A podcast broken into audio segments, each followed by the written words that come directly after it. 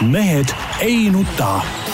selle eest, et mehed ei nutaks, kannab hoolt Unibet, mängijatelt mängijatele. tere kõigile, kes meid kuulavad ja vaatavad, ükstapuha, mis kell on. no hääl jälle ära, jah. ei, ei teinud kasuks, ükstapuha, mis vidinatest Na, naeru turtsuv Tarmo Delfist. tervist. Peep Pahv tontab kust, igalt poolt Keilast, Vasalemmast, natukene Delfist, natuke Eesti Päevalehest, natuke Maalehest, natuke Eesti Naisest. tervist. Jaan Martinson Delfist. saali ukse tagant. riietusruumist. ja, ja., ja no sellest me veel räägime jah. Delfist ja Eesti Päevalehest, igalt poolt mujalt, varsti Rootsist.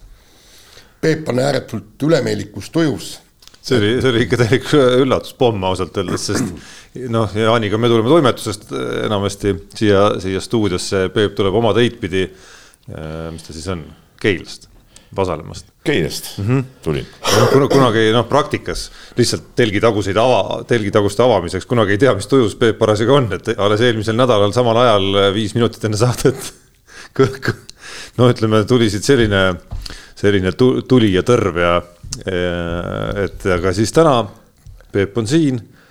no nii heas tujus pole vist kunagi olnud. No, no, räägime ära, eks ole, mul olid siin nagu enne teie tulekut oli meeldiv äh, olemine siin, eks ole. Äh, meeldiv tütarlapse seltskonnas, aga siis tulite teie käes Koobi kilekott mingite asjadega ja, ja, ja, ja rikkusite selle kõik ära, no ütleme kogu romantiline õhustik, mis tekitas helge tunde, varises kohe põrmu, noh okei okay,, et sa, seda enam võiksid sa nagu väga pahane olla ja, meie peale praegu. aga ma saan aru, et sinus elab lootus, et see ja, romantiline õhkkond taastub siin, kui me ära läheme ükskord pärast saadet. kuigi ma lähen koos teiega ära, siis hinges jäi see nagu alles. noh, tähendab. Äh, et siin kui... nagu ütleme, kaamerate sättimise tütarlaps, kes sättis kaameraid ja ütleme, tore oli olla, tead noh, jah selge, ei, mul on väga hea meel sulle, et äh, hakkame kasutama seda, ma arvan, strateegiat edaspidigi. ei, see kaks korda ei tööta muidugi. nii, aga siinkohal tahaks äh, palju õnne soovida Eesti digitiigrile. kuulsin eile uudist, et äh, süüdistati poliitikuid kes nüüd lapsetoetusi ja muid toetusi hakkavad muutma ja sellega on siis vaja palgata mitukümmend inimest, kes hakkaksid siis eh, seda nii-öelda toetuse arvutama käsitsi. kusjuures eh, no loomulikult eh, niisugune, nagu ma olen, kohe uudisklaasi on vahele, mis mõttes käsitsi? et selle, selle käsi kalkulaatori peal siis või? vot, oota, Peep, sinna ma tahtsin jõuda. kui ma koolis tegin ma... matemaatikaeksamit, siis mm. mul oli see kalkulaatori peal olid need spikker kirjutatud valemitest oli sinna kirjutad üht koma teist. nii, aga te, tegelikult ma ei ole, stopp, ma ei ole üldse kindel, et, et meie riigi võimekus oleks seda kalkulaatorit kasutada, sellepärast mul peaks olema all keldris teate, see lolli kannel, nuppudega arvelaud. ja, ja ma, ja ma olen. mul on asi olemas, väga hea asi. nii, ja, ja kusjuures ma kavatsen selle riigile noh, niisuguse tagasihoidliku raha eest ära müüa, kusjuures peaks olema ka lükati peaks olema ka lükati ja sellega saab äh, nagu tõsisemaid tehteid teha. mul on üks nõukaaegne mälestus kooliajast eelkõige, sest ka mingid koolidokumendid nõukaajal olid minu arust sahtlites täpselt äh, sellisel moel, rääkimata ilmselt mingitest ametkondadest ja, ja muudest arhiividest, olid äh, perfokaardid et äh,. perfooriga arvutada ei saa. ei, ma ei, ei, ei, ei, ei, ei, see ongi, ei, ei, see on nüüd selleks, et sa teed. kui tuled, ütleme, Jaan Martin saab toetust saama, siis võetakse MA. just, just, just. seda ma mõtlengi, ei, ei, mitte arvutamise jaoks, vaid selleks, et need arvutuste tulemused ikkagi, äh, mis ta siis on, kuskil noh, Eestis on elanikke üle miljoni, eks ole, igaks juhuks igaühe kohta mingi perfokaart kuskil peab nagu olema ikkagi. Või, või mitu. jah, aga, aga noh, kui, kui nüüd tõsiselt rääkida, no kuulge andke nüüd andeks, kas see ei ole absurdne? me oleme digiriik, me tahame näidata ennast, et äh, nagu tiigrina ja kõik, meil on jälle digi, digi-Eesti ja kõik. ja nüüd selgub, et toetused muutuvad ja siis me peame palkama inimesi, kes tõesti hakkavad käsitsi no seda arvestama. meil on ikka töötus ka praegu, arvestades sellega ja me saame sellega ikkagi töötust vähendada ei, aga absoluutselt, aga no, ka, no aga mis sa siis, aga mis sa nurisid, kas sa, kas sul on kade meel, et mõned inimesed saavad tööle või? ei, vastupidi. no aga sa nurisid. ei, aga praegu teeb mulje see..., et sul on nagu kade meel, et inimesed ei, saavad tööle. ei, lõpetame siis kogu selle diginduse ära. paneme ikka kõik lukku, ei, meil ei ole mitte midagi, mingit digit no mis digid, no sina ei ole nagunii mingi digimees. ei no ega mina ei olegi, sellepärast ja sa, ja sa emailigi oskad saata. noh, see on ka nii ja naa. aga, aga, aga absurdne on see tõesti. Vähemalt mulle tundub. Ja nii siis nad räägivad, et uus süsteem saab võib-olla valmis kuskil kahe aasta pärast. noh. No, aga see ongi üleminekuaeg, noh, üleminekuaeg no.. kui sina oled äh, siin, Delfi Post peaks digivärgist midagi teadma, kui sul on niisugused ressursid, nagu riigil on. kas niisugune nii-öelda raamatupidamislik äh, süsteem, kas võtab äh, aega kaks aastat, kas ei saa teha süsteemi, kui midagi muutub, et siis lihtsalt paned need numbrid, protsendid, mis iganes, paned uued ja, ja arvutad nagu lihtsalt äh, teistmoodi. ja no ja sellisest, sellistest tarkvaradest ja nende arendusest ma muidugi suurt ei tea, eks ole, aga, aga seda, et äh, meie kuulus see, see nii-öelda digitiiger või tiigrihüpe või mis iganes, mille üle me siin noh, aastaid tagasi justkui väga uhke olime, et see kuidagi on nagu, selle hüpe on ikkagi kuidagi nagu väga maa peale tagasi tulnud, seda minu arust. kas te hakkate seda hüpet tegema mingi viisteist aastat tagasi? ja no hakkaski ja, ja paljudes asjades olemegi päris kaugel, eks ole, et Eestis saab, saab digitaalselt teha päris paljusid asju, mida, mida paljudes muudes arenenud riikides ei saa, on ju, aga see, kuidas me siin koroona alguses ka mingite Excelitega siin äh, käis mingisugune haigete numbrite ja, ja vaktsineerimine, vaktsineeritute mingisuguse statistika nagu jagamine ja arvepidamine, noh, see, see oli ka päris piinlik ikkagi. et kuskil on see koht, kuskil on see asi nagu väga seisma jäänud, rääkimata sellest, et on mingisugused riigiteenused ja platvormid, mida nagu noh, on ju olemas Smart-ID ja ID-kaardiga logimine ja mobiil-ID, et kus nagu ühega, ühega saad, teisega ei saa ja no mingi selline nagu ebakõla, et no see, see, see tiiger on üsna lamavas asendis päris mitmes kohas noh, jah. aga, aga no sul, Peep, ei ole sellest hullu, et sa oled ikkagi näe. nagu perfokaardi usku. ausalt öeldes see on kõige väiksem mure nagu, et kas kas kuskile võetakse mingid äh, inimesed tööle? ei, see on näide lihtsalt. mul on täitsa ükspuha. see on näide lihtsalt, see on ju inimeste tööaeg, mis läheb täiesti valesse kohta, selle asemel, et süsteemi mingites asjades paremaks teha. ja kusjuures ta ütles ka, et, et see kõik läheb miljoneid maksma ja ma arvan, et, et et äh, selle raha võiks, ma oleksin täiesti nõus, kui Keila korvpalliklubile vähemalt mingi osa no jaa, no sa saad ise ka aru, et see, see raha niimoodi nagu nii ei liigu, et noh, ah ma ei tea, no vahet pole kokkuvõttes, ma arvan nii. kas alustame ikkagi kõige põletavamast teemast või, või krutime pinget kuidagi nagu sammhaaval? Äh, mis on põletav teema? no mis on Eesti spordinädala ikkagi nagu teema number üks. mina vaatan siit praegu seda saateplaani siin nagu põletavat no, teemast nagu pole. noh, plaan, nagu sa aru saad, on ikkagi nii, et, et kuskil keegi teeb plaane, aga, aga siis seal kõrgemal no, nagu na, na, naerdakse nendele. et me võime ka kannapöördeid teha loomulikult, kuigi samas on mõttena päris hea, et hoida see hoida see nagu Maiuspala... maasikas ja maiuspala ikkagi nagu, nagu kuskile sinna tahapoole. no kooki süüaksegi lõpus muideks. ja, et siis on nagu mida oodata meie kuulajatel-vaatajatel ka. nagu te nii ütlete nii, aga kütame siis algusest minema ja räägime Sildarudest, Kellist ja Henrist.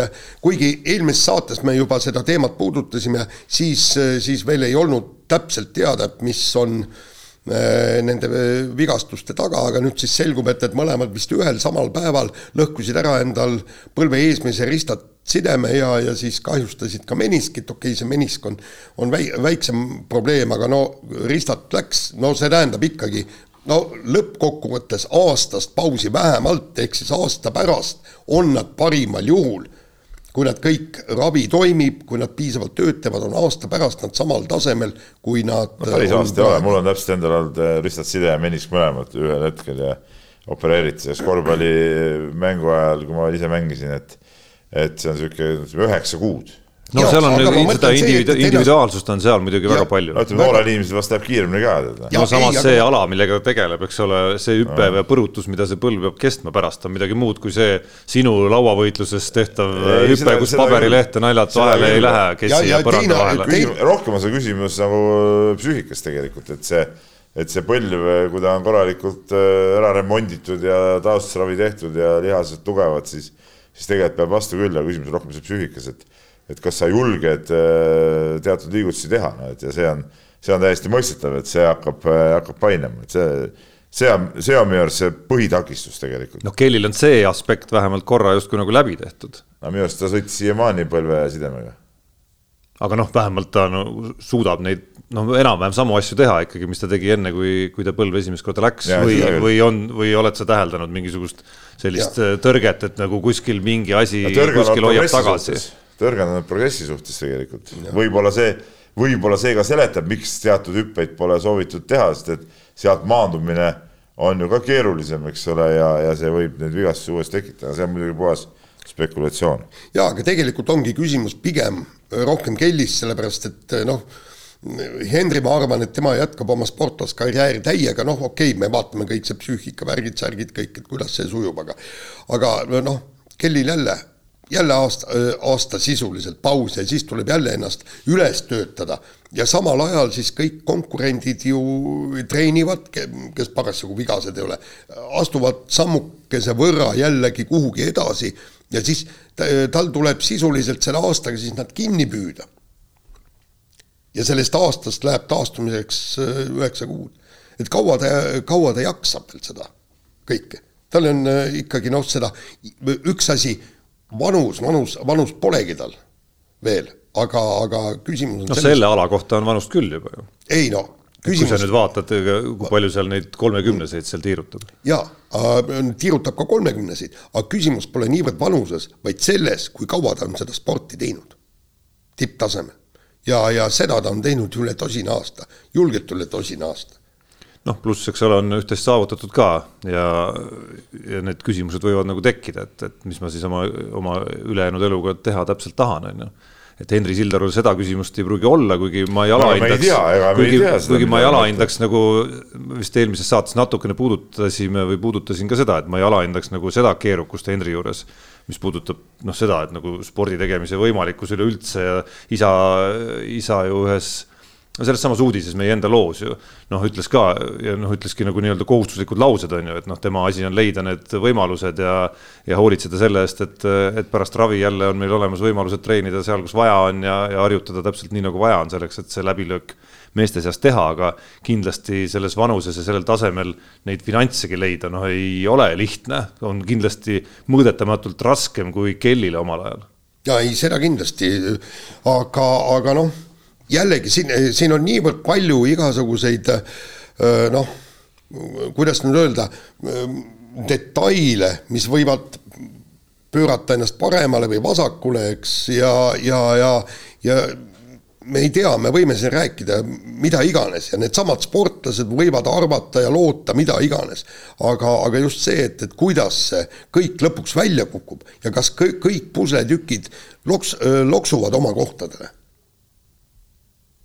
ja ei no see on, ah see üks järjekordne teema, millest me räägime, millest nagu, nagu õrna aimu ei ole tegelikult, no ma ei oska midagi mõistlikku siia ütelda, et seda nagu aeg näitab. Noh. just. nii ongi lihtsalt. Noh. aeg parandab kõik haavad nagu. nojah, see on nagu no,. nüüd tuli sihuke Jaani sihuke tõeline puent, puentlause siia nagu lõppu. nii öeldakse, väga õige.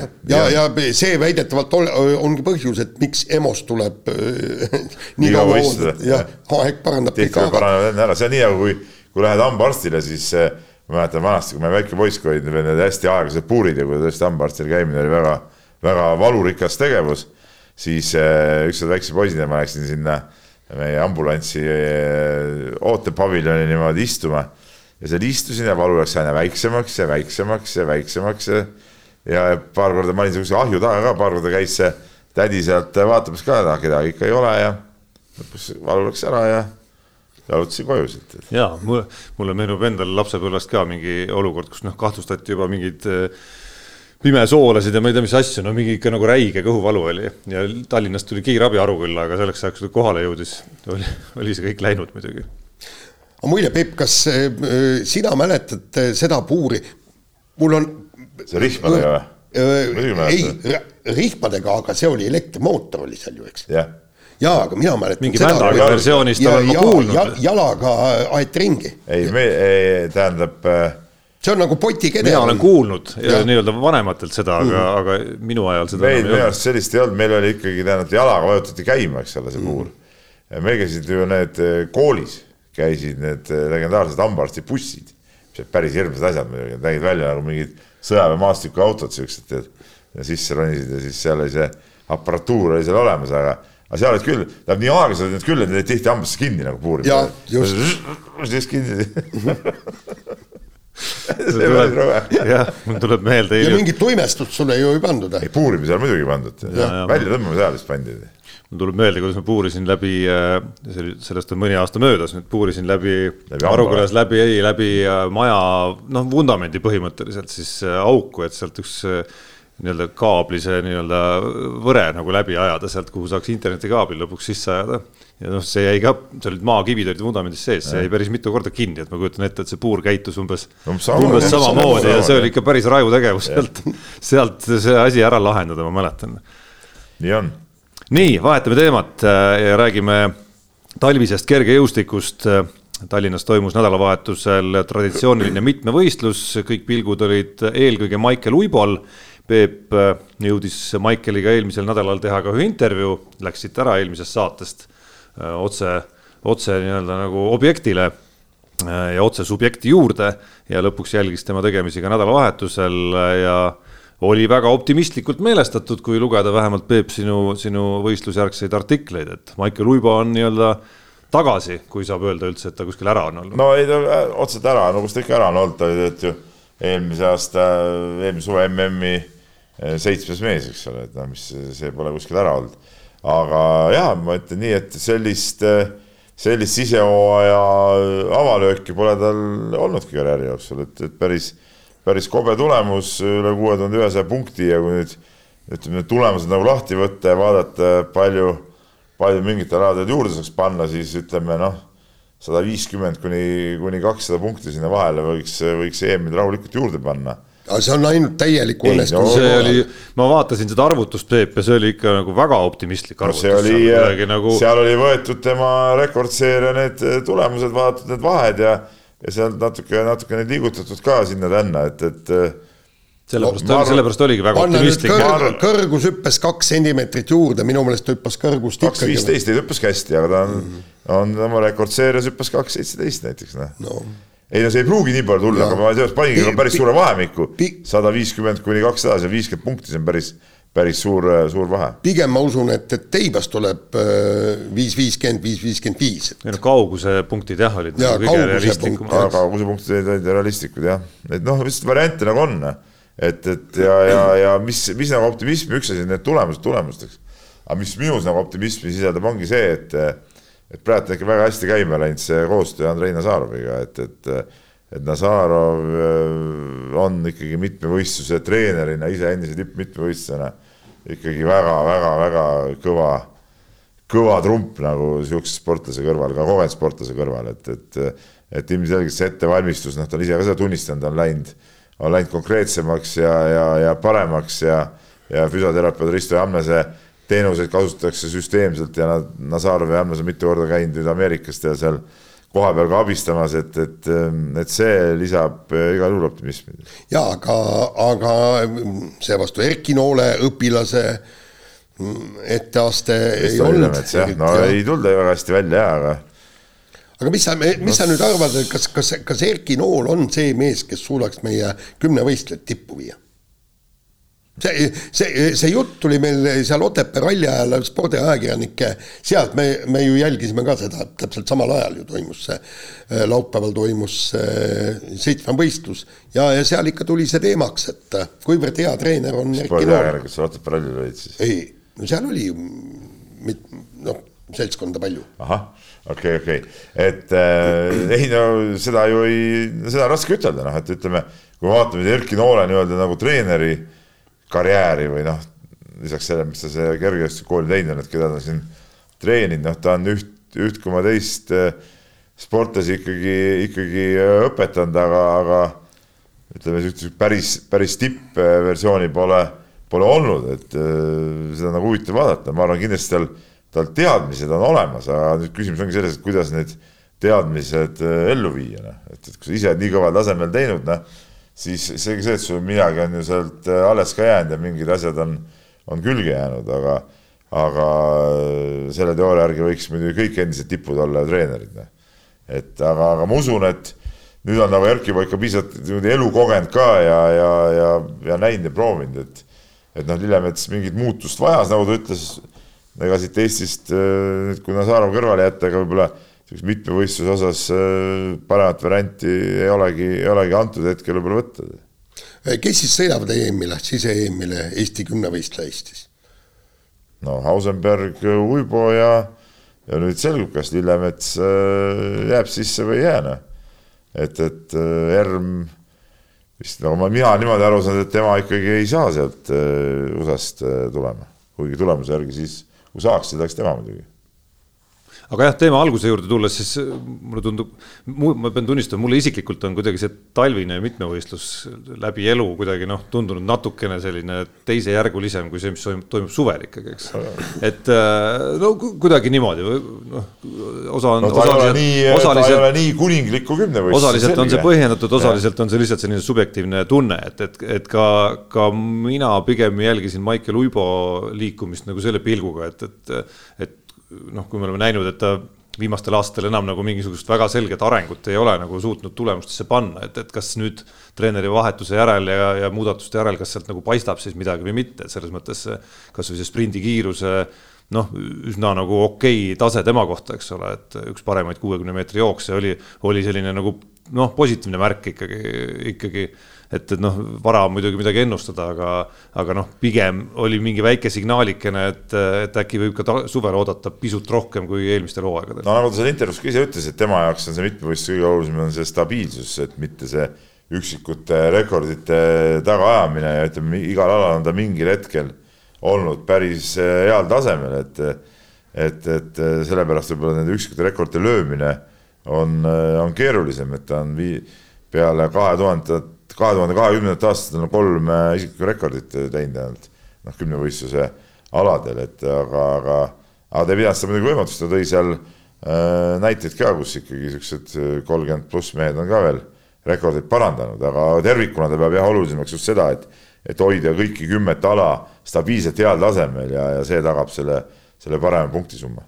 Ja, ja kusjuures ütlen niimoodi, meel on ka tal ilmselt rõõmsam, sest hakkab isaks saama mingil ajahetkel abikaasa andis teada, et ootavad. sain ma aru, et, et see ei ole üldse mägede taga. ei no see loomulikult annab, kindlasti tiivustab. nii et palju õnne talle. nii, aga kas lähme edasi, lähme siis edasi Jaani äh, soperdamiste juurde nädalavahetusel äh, Otepääl ja vaatasid sa seal siis Ott Tänaku võitu kodusel rallil.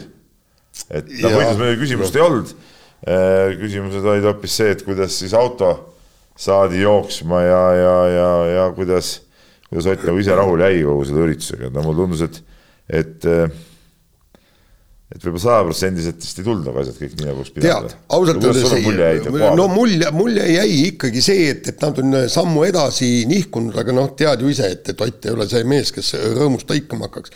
aga mis oli, mis oli, tähendab, oli, oli ääretult positiivne, oli see, et, et just see reedene testikatsepäev, no mis testikatse on tavaliselt, kolm korda sõidetakse läbi. ei no see ei olnud seal nagu, seal võisid sõitma nagu tahtsid. jaa, aga vot see ongi, et, et kuidas seati see testikatse just Ott Tänaku järgi ja oli ka Jordan Serderiidis. oota Jaan, seda ma ütlen küll kohe ära. tähendab, kui sa räägid Serderiidisest kui rallisõitjast, no ma ei tea, no siis sa võid Tarmo kui golfariga ka teha pikki lugusid ja ja, ja jäta, jäta, ei no, Starbo ei ole sümpaatne ja lahe, ikka on, nii. Jätka nüüd, räägime rallist nüüd, eks ole. vaata, väga lahe. ma, ma mikskipärast arvan, et, et seda teist venda oli sinna kõrvale vaja.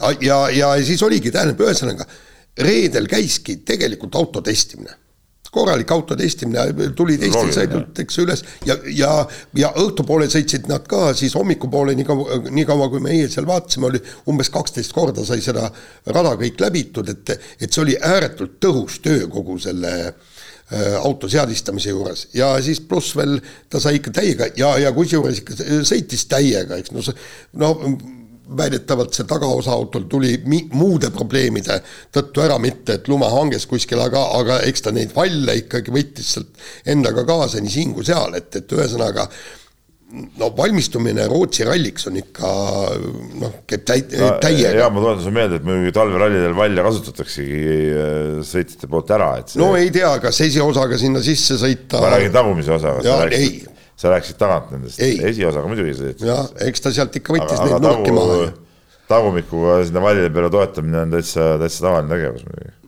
noh, kui, kui läheb õnneks, kui läheb õnneks. nagu on tugevad vallid ja seal tuleb ennem kindlaks teha, kas vallid on tugevad. no erinevalt Katsutast ja Lapist Kuopios võttis ta nagu vähemalt nagu maksimumi sellest, mida, mida sellisel testrallil nii-öelda on võimalik võtta. ja No- ei, seda kindlasti, aga, aga ma natuke vaatasin, et kas, ma ei tea, Jaan, kuidas sulle tundus, et kas võib-olla mõnel katsel edu linnamees ei olnud nagu võib-olla piisavalt suur, et kas seal oligi see küsimus, et kas seal prooviti ühte koma ei teist, ei seal, seal juhtus. või, või seal oligi täpselt, et nagu ma räägin, kui ma, koha peal ei käinud ja ma nagu nii mm -hmm. täpselt ei jälginud, ma vaatasin ainult neid katsete tulemusi tegelikult. ei, seal nendel katsetel juhtus. no vot, et seal oligi, et, et, et ei olnud nagu loogilised need, kui sa võtad seal noh, kilomeetri peale kaotuse jagad nagu ära selle, et siis nagu, Ja, ja. nagu ei tundunud nagu loogiline. ei, aga see, seal oligi, see, seal olid probleemid muud. kusjuures, aga te, tegelikult ega me Tänaku kohta mitte midagi kus, kuskilt maalt ei, ei, ei või, ei saa anda hinnangut, küll aga oli, kui Katsuta ja Lappi sõitsid Kuopios, siis ausalt öeldes noh, Lappi küll rääkis, et jälle positiivne, kõik auto on tead ta-ta-ta, eks ma panin ikka täiega ja kõik nii, aga kui sa poole päeva peale oled Katsutast ees, sina, soomlane, lume peal, ainult kakskümmend üks sekundit eks ju, noh, ütleme niimoodi, minu meelest see, see ei ole nagu positiivne, väga positiivne märk. kui sa, kui sa ütled, et sa paned täiega ja sul on täitsa okei auto ja kõik muud niisugused asjad. on siis Tänak Rootsis poodiumi pretendent, esikoha pretendent no? ma arvan, et poodiumi pretendent ta ikkagi on. ei, seda kindlasti jah, seda kindlasti. ja üks asi on auto, teine asi on see, et talveralli talle sobib, ikka meeletud kiirused olid seal Otepääl.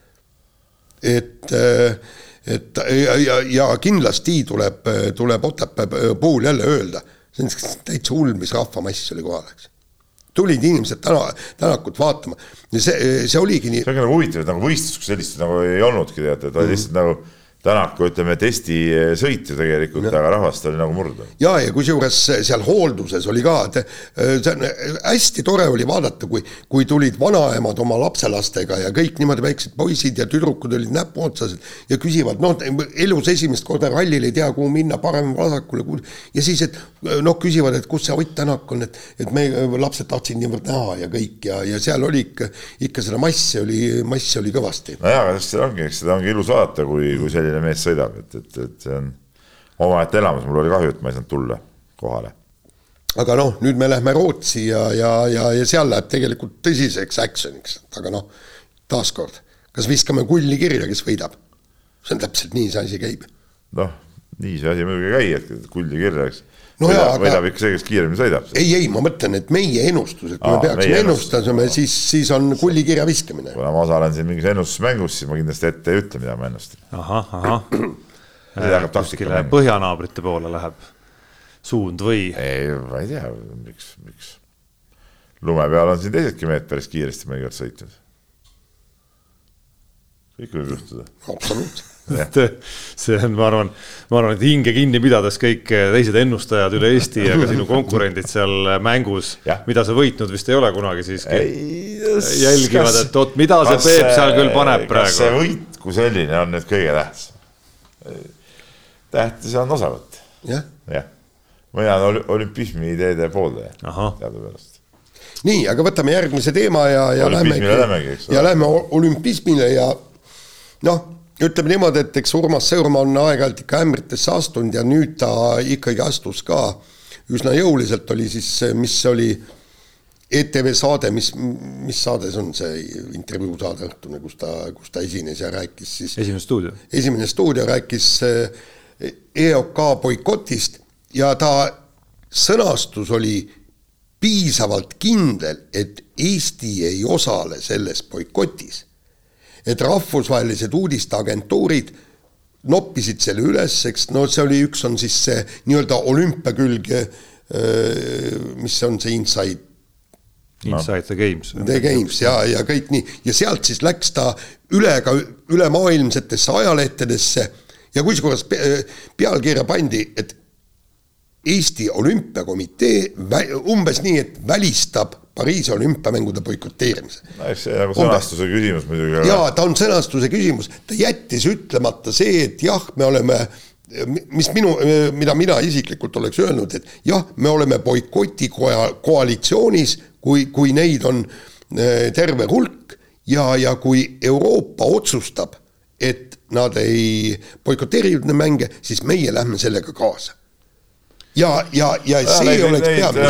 aga neid ütlejaid on juba ju päris mitu siin olnud, USA ütles ära, et nemad ei osale, Tšehhi mingi uudis oli täna ja tšehhid tulidki, ma ei tea, kas nad, nad tulid äh, päev pärast Sõõrumaad, ma ei tea, kas nad võtsid Sõõrumaad kinni, eks siis, siis britid, äh, Briti olümpiakomitee andis äh, teada, et suure tõenäosusega me seal boikotil ei osale ja, ja sealt Kanada ei osale. no eile just äh, rääkisin, no Madis kirjutas seda lugu, ma käisin eile toimetusest ka läbi ja seal arutasime sama asja. Madis just meenutas, ega britid ei olegi kunagi boikottides otseselt osalenud, isegi Moskva olümpiamängudel, kus siis ütleme, see plokk nagu väga ei tulnud, siis nad, minu arust nad olümpialipu all käisid väljas. jaa, olümpialipu all, jah. aga ju võitsid ju, mäletan, Allan, Allan Wells võitis ju, ju seal saja meetri, meetri jooksu jah, et, et. ja kas seal oli Kõu ja Õueti su suured duellid või? Ja, ja, ja, ja, ja, ja, ja, ja, ja, et nad nagu jah, olid, on olnud kohal alati ja noh, mina arvan, et sellest boikotist äh, ei saa asja. Ja ma olen selles suhtes natuke ka spordiinimestega ikkagi, ma kirjutasin ka, et noh, see siin ühe kommentaari ka, et noh, minu arust see olekski nagu jama, kui me, kui me siin hakkaks nende eest otsustama seda minu arust isegi praegu isegi pole vara seda, seda isegi arutada. No. No, ei no siin on nagu mitu asja, üks, üks asi on tõesti, et ongi vara, et see tegelik jada on ju nagu tohutu, tohutu pikk, mis, mis on vaja veel teha selleks igal alal, et, et Venemaa sportlane seal areenile jõuaks, et ma loodan, et isegi kui see süsteemne otsus tuleb, tuleb selline, mis mulle absoluutselt ei meeldi, et siis vähemalt on seal nagu päris palju tükikesi ahelas, kus on võimalik neid kaikaid nagu noh, üksikutel aladel kodaratesse, kodaratesse visata. aga, aga ma olen ka nõus Jaan, Jaan sellega, et, et noh, nii reljeefselt nagu Sõõrumaa seda välja öelda, noh, tundub nagu totter, et praegu kasvõi, kasvõi juba selleks et seda koalitsiooni nagu tekitada. kasvõi selleks ja. tuleb, tuleks nagu nende, nendes avaldustes olla nagu natukene nagu Oota, targem. no selle, selle koalitsiooni tekitamisest, et kui te tõesti teete otsuse, et, et agressorriik Venemaa tuleb olümpiale, siis, siis on olemas, ma ei tea, nelikümmend riiki näiteks, kes ütlevad, et okei okay,, me ei osale siis on ju. ehk siis, ehk siis juba ainult selleks, juba selleks, et ROK ei teeks sellist otsust. jah, ja, ja, ja, ja peab olema kriitiline nagu nagu rõhuta valele asjale praegu minu arust kogu aeg, et point ongi selles, et tegelema peaks sellega, et ROK ei teeks sellist otsust, mitte. ega see ongi see vahend, see ongi see tööriist no,. see, see ei ole mingi vahend, sest et kui ROK seda otsust ei tee, siis ma ei pea õigeks seda sihukeses koalitsioonis osalemist. sest noh, ükski muu vahend ei mõju ju. nojah, aga ma räägin, et mina näiteks ei pea õigeks. mis taktikaga sa lähed ROK-iga ütlema või ROK-i veenma selles? täpselt nagu Kaunase, täpselt nagu Kaunase Žalgiris ütles siis, kui Euroliiga veel flirtis sõja alguses, et oh, ärme veel nagu saada Venemaa klubisid minema. ütles, et oot-oot-oot, siis me lõpetame osalemise ära, kogu lugu ja olidki valmis tegema seda. ja, ja aga ma räägin seda, et, et noh, ma peaks enda nagu mõte natuke lappama, aga, aga nii nagu, nii nagu need sportlased on siin ütelnud, noh, et sportlased ju, ju tahaks ikkagi võistleksid nagu kokku. sinna, sinna, kusjuures ma tahtsingi et, sinna siis, jõuda korra. siis nagu siis nagu minu meelest me oleks nagu vale nagu neid äh, mingi jõuga ära võtta seda, no sa siis võid, kes ei taha, nii nagu ma ütlesin, kes ei taha, palun väga, igalühel on oma õigus siis valida lihtsalt. kusjuures ma korraks sinna tahtsingi jõuda, et, et noh, noh, Urmas Sõõrumaa ütlemine või sõnastus, no ei ole ju üllatav selles mõttes, et Siim Suklas ütles samamoodi välja, lihtsalt Sõõrumaa lause oli see, kus mis läks ringlema kuidagimoodi nagu rohkem ka rahvusvaheliselt, on ju et, et ja seda seisukohta me üldjoontes teame, mis olümpiakomiteel on, mis mind rohkem imestas või, või kõige rohkem sellest nädalast imestas, oli tegelikult Allar Raja kommentaar, kes mitte ainult ei öelnud, et ta on boikoti vastu, vaid ütles, et tal nagu üldse mingisugust tõrget ei ole Vene sportlaste vastu nagu võistlemisega või, või noh, sisuliselt siis ju ka sellega, et, et kas nad üldse võistlevad või mitte. no tema see, tema see tuli neid, mulle kui, nagu küll ikkagi päris kui, suure šokina. kui sõjamehi, vaid tema võtab neid kui tavalisi sportlasi. olukorras, kus äh, isegi reaalseid sõjamehi on, on Venemaa sportlaste seas päris palju reaalselt. sõjamehi seal muidugi ei no, ole. no tegelikult ju on ikkagi, kui sa oled sõjaväelane, siis sa oled sõjaväelane. Ja oota no, see- kuule, aga see, see- see, siis võib, kui, kui palju oli, Tiit Sokk oli ka mingil ajal Nõukogude armeesse kuulus. Siis, kui ta me en, Endel seda niimoodi ei saa seda Lipso, vaadata ja, ja see jumal. aga, aga nüüd, mis, kui mul tekkis minu jaoks oli see, minu jaoks oli see nagu kõige jahmatama panev arvamusavaldus, mis nädala jooksul, nädala jooksul on kostunud ja kui siis noh, ja siis, ja siis, kui noh, ja siis loomulikult on võimalik vaielda ja arutleda selle üle, et kas äh, nii nagu Irina Embrich leidis, et, et just nimelt see nii-öelda nende agressorite toeta, toetajad põhimõtteliselt siis, eks ole, Vene, Vene kodanikud, Vene sportlased, laseme nad ikka kõik võistlema, et see sõprus on see, mis aitab kuidagi siis kaasa nagu suurele rahule maailmas. See on natuke naiivne see, see tundub seisukoht, väga naiivne, eriti olukorras, kus ma loen, et siin Jelena Välbed ja ja see Valgevene laskesuusataja Tsinara Alimpekova on juba äh, teatanud, et äh, kui nad oma lipu all võistelda ei saa, siis minge üldse kuradile kuskile, mis minu arust näitab, et nagu no nad ei saa nagu üldse aga- hooma tegelikult nagu mida vaja on selleks, et nad üldse kuidagimoodi nagu meiega sõbraks saaks uuesti. ei no jaa, aga no miks nad peaksid hoomama, nemad elavad omas maailmas, meie elame omas maailmas. aga minu arust nad ju ka eelmistel olümpiatel on nüüd käinud ilma oma liputa, et see, see sihuke jutt äh, ka ei päde. aga nüüd mul tuli meelde, mis ma tahtsin ütelda siis, kui mul nii-öelda see mõttekramp tekkis, et Jaan siin tõi korra need alaliidud sisse, et noh, tegelikult selle asemel, et siin rääkida mingist boikoti äh, koalitsioonidest ja asjadest, mis on mingi täielik jura, eks ole, tuleks tegeleda hoopis nende alaliitudega lihtsalt, et et kuna põhimõtteliselt on tegelikult alaliitude valik see, kas sportlane saab tulla või ei saa ja ja kokkuvõttes, kui ikka suured need alaliidud, noh, ma ei usu näiteks, et kergejõustikuliit eh, teeb seal mingeid eh, mööndusi. oota, tänast uudist ei ole lugenud või? ei, millist? Lubati neljal Vene sportlasel eh, neutraalse lipu all võistlema juhul, kui võis-, nii-öelda võistluste korraldaja seda aktsepteerib, ehk siis võeti, võeti neljalt Vene sportlaselt, seal oli kõrgushüppaja, kaugushüppaja, üks käija ja veel ja neil on järjekorras selles listis aga siis Skeene oli kindlasti kõrgushüppaja. ei olnud, ei olnud, ei olnud.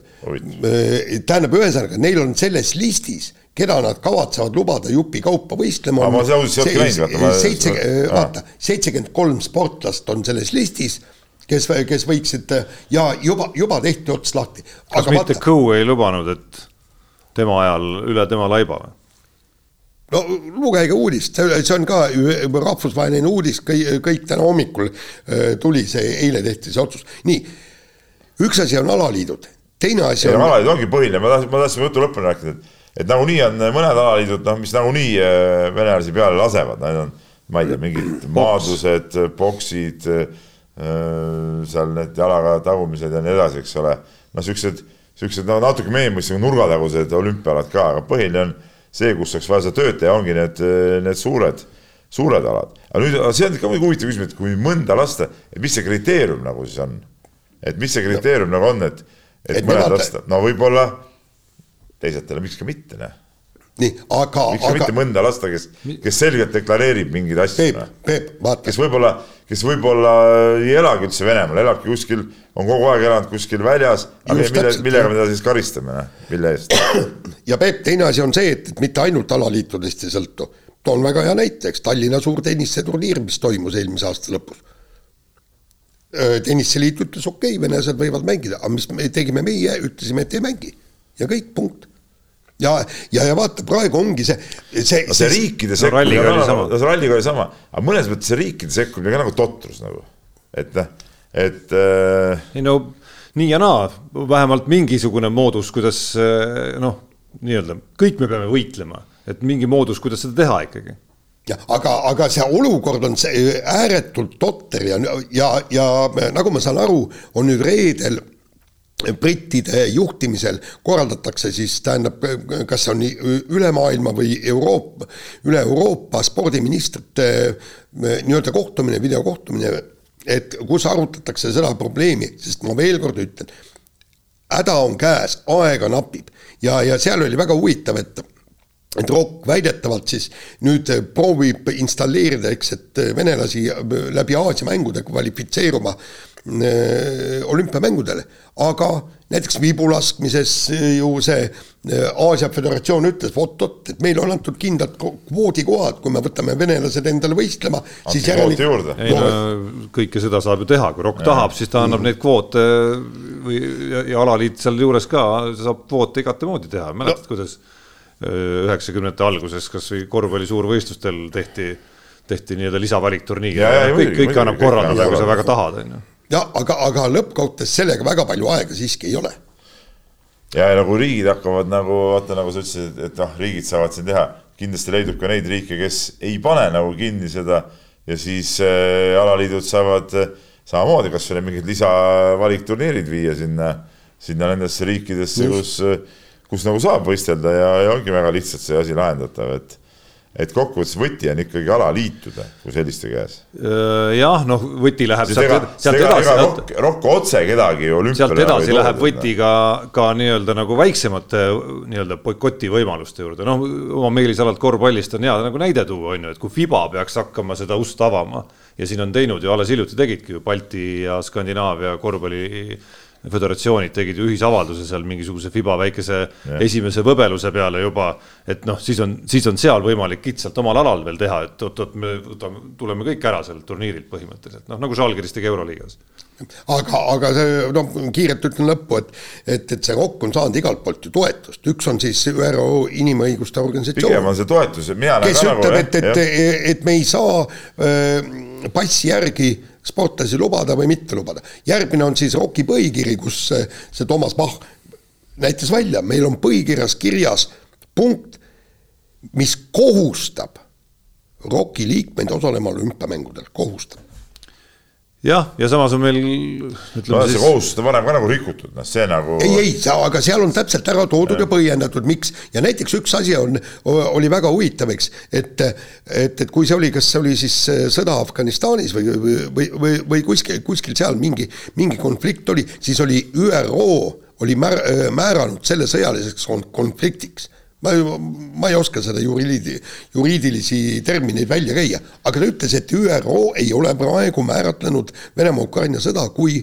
kui siis sõjalist konflikti ja, ja, ja see ongi üks põhjus, et me, miks me ei no saa neid takistada. kui see oli see Afganistani sõda, eks ole, mis venelased seal äh, möllasid ka kõvasti ja, ja, ja see oli üks põhjus, miks Moskva olümpiale nii-öelda osad riigid ei tulnud, aga siis no muud, muud võistlused käisid ikka edasi, et, et ja, ja, ja lõpuks lõpuks see sõda käis seal ikka edasi ja, ja okei okay,, no Los Angeleses oli seal venelased tegid oma tsirkuse ära, aga kaheksakümmend kaheksa, kui oli Seuli olümpia, siis see Afgaani sõda ju ei olnud nagu lõppenud selleks ajaks. Noh. ja aga siis ka nüüd osa riike, aga hoopis muudel põhjustel. no igasugu põhikirjade taha muidugi lihtne pugeda, aga no, lõppkokkuvõttes äh, minu arust oli väga hea lause, ma olen seda dokki siin meenutanud juba, see FIFA dok, mis Netflixis on äh, Katari, Katari selle võistluse ajal ja kogu FIFA ajaloost, eks ole, ja seal oli üks, ma ei mäleta, kes seda ütles ja ma ei mäleta täpselt, millise FIFA ajaloo hetke juures täpselt, kas see oli see oli see see Argentiina mm või, või Lõuna-Aafrika, ma peast ei mäleta, aga noh, see mõte kõlas niimoodi, et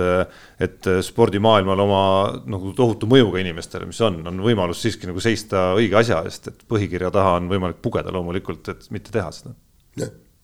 aga räägime korvpallist ja räägime esialgu noh, sellisest natuke väiksemast teemast võrreldes sellega, mis meil siin tulekul on, mida me siin saate alguses juba nagu diiserina vaikselt õhku viskasime, on ju, Peep? ma ei tea. sa ei tea midagi. ehk siis räägime sellest, et homme Kalevi spordihalli kõik see mees ja naine kohale, kes, kes on kes on vähegi nii-öelda nagu lähiulatuses ja transpordi ulatuses, ehk siis BC Kalev Cramo korvpallimeeskond peab Fiba eurosarja otsustava alagrupi mängu hollandlaste Den Boschi vastu, võit seal ja Kalev Cramo on play-off'is. jah, on. No müts maha ikkagi Heiko Rannule ja Kalev Cramo eest, et, et, et, et see, et see võõral väljakul, nüüd tuli jälle siis nagu nii-öelda see nii-öelda elusurmamäng, eks. ja, ja nad võtavad selle Saksamaa, Saksamaa liiga klubi vastu, noh ja noh, selge, et see noh, need ei ole lihtsad vastased kunagi ühegi Eesti klubi jaoks ikkagi need noh, juba eelarvet paned kõrvuti ja, ja, ja sa oled alati seal ikkagi nagu nii-öelda nagu väiksem, väiksem osapool.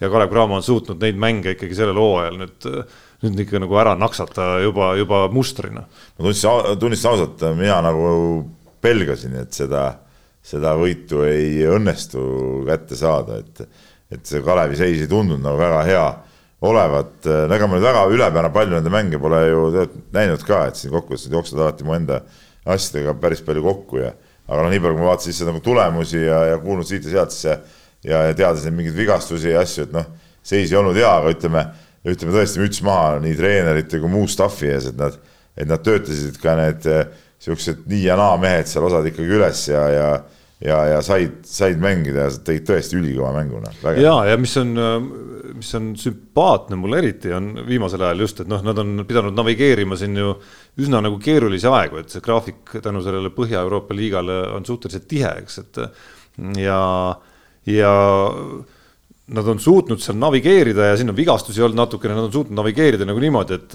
et sealt päris pingi nagu altotsast ka mingeid mehi, kes siin hooaja algul kas üldse ei saanud mängima või, või kes ei mänginud päris nii, nagu võib-olla värva, värvates loodeti. seesama äh, nii-öelda Läti poiss Raimo seal näiteks on ju, et äh, kui sa nüüd vaatad neid, mismoodi on äh, mismoodi on nendes kodustes ja nendes Põhjaliiga mängudes kuidagi suutnud Heiko Rannula nagu roteerida neid äh, mehi seal, siis, siis nagu üldpilt on see, et nad on kuidagi nagu sellest raskemast osast, mulle tundub, nagu eluga välja tulnud. et noh, see võib muutuda muidugi äh, iga hetk loomulikult, et Peep teab väga hästi, kuidas, kuidas siin tervised ja vigastused käivad, äh, käivad kahjuks mööda mängijaid, aga, aga nad on seni suutnud selle olukorra kuidagi navigeerida nagu päris hästi ära on suutnud ära navigeerida ja, ja, ütleme, nendel on ikkagi tulnud kasuks see ka, et nad on suutnud luua selle niisuguse ühtse taseme juures päris pika äh, rosteri ja neil nagu mehi on, et kui keegi eest ära kukub, siis mingid mehed ikkagi tulevad ja, ja mängivad ära selle mängu, et, et selle, selle roteerumiste ja asjadega on nad väga hästi hakkama saanud ja, ja, ja see on aidanud neil seda tihedat mängugraafikut ka nagu majandada, nii nagu, nii nagu vaja on ja neid, neid vigastusi ja asju üle elada noh aga noh, see kiitus on kõik. Eh, kõik tühi, kui mitte. tühi, kui, kui, homme, homme, homme seda edasipääsu kätte ei tule, et, et võimalus on, on iseenesest ajalooline ja paberil justkui. ei no see on ajalooline, et Eesti klubid selles sarjas on ikkagi kaheksa hulka jõudnud varem ka. no selles mõttes ongi ajalooline, et need on väga üksikud korrad. nii, aga Tartu korrad olnud. ja, ja.. laseme kõlli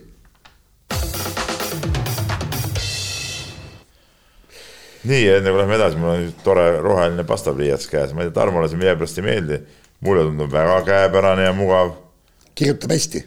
ei ole kirjutada saanud veel, aga ma arvan, et see on hea, hea pliiats. kusjuures Peep lubas äh, enne saadet äh, sisuliselt välja, et äh, et on toimunud suur ajalooline muutus ja, ja ei, ilmselt EKRE-le, EKRE-le enam hääl ei, ei lähe, võite siit vihjeid välja lugeda praegu sellest nii, pastakast, kuhu, kuhu tuul, tuul on pöördumas. järjekordne vale, näitab, siin peaks nagu ma kutsun üles nüüd Delfi seda kõige, kõige sihukest minu silmis eh, nadimat rubriiki ehk faktikontrolli, mis, eh, mida tuleb ennastpidevalt kontrollida, et kui ma seda loen, siis ma alati sihukese väikse pika hambaga võtan seda eh, no,. sina see, sina oledki see ülim faktikontroll. kontrollima siis Tarmo väite õigsust, tähendab, et, et ei ole ma sellist asja ütelnud, ei ole ma ütelnud, et kaldun.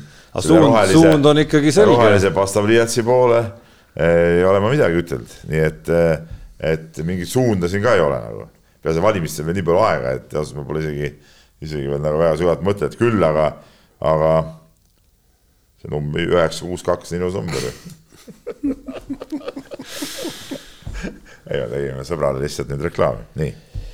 nii, aga lähme kiire Tarmo Meele jaoks no sinu külamees ju, naaber sul peaaegu ju.